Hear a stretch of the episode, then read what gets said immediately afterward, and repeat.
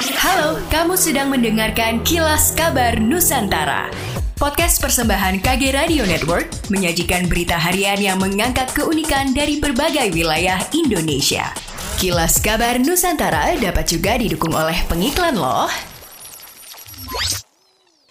Pemprov Sulsel bakal menyalurkan bantuan 2.600 ton bibit pertanian untuk kelompok tani di 24 kabupaten dan kota se-Sulsel. Penyaluran bibit itu merupakan bagian dari program Mandiri Benih. PLT Kepala Dinas Tanaman Pangan, Hortikultura dan Perkebunan Sulsel, Imran mengatakan, Mandiri Benih merupakan inovasi yang diinisiasi langsung Gubernur Sulawesi Selatan Andi Sudirman Sulaiman. Ia menjelaskan benih padi akan disalurkan secara gratis kepada kelompok tani. Adapun kegiatan tersebut akan dipusatkan di Jembatan Tongkonan Toraja Center Point of Indonesia, CPI Makassar Jumat nanti. Lebih jauh, Imran menuturkan penyaluran benih akan dilakukan secara berkesinambungan sesuai musim tanam. Pihaknya akan menyasar sejumlah daerah sentra pertanian seperti Bone, Sopeng, Wajo, Sinjai, Sidrap, Pinrang, dan Luwu. Ribuan benih gratis tersebut diperuntukkan bagi lahan pertanian seluas 104 ribu hektar.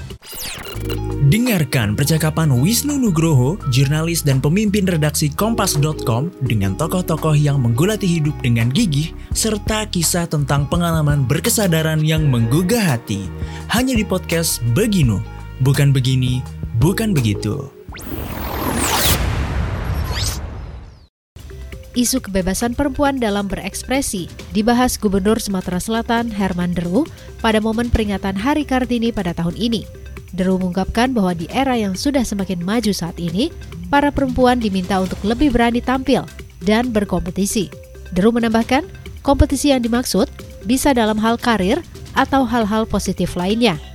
Ditambah lagi di era saat ini, emansipasi terhadap perempuan sudah sangat terbuka. Sehingga lanjut Deru, hal ini dapat dimaknai betul oleh seluruh perempuan di Indonesia, khususnya Sumatera Selatan.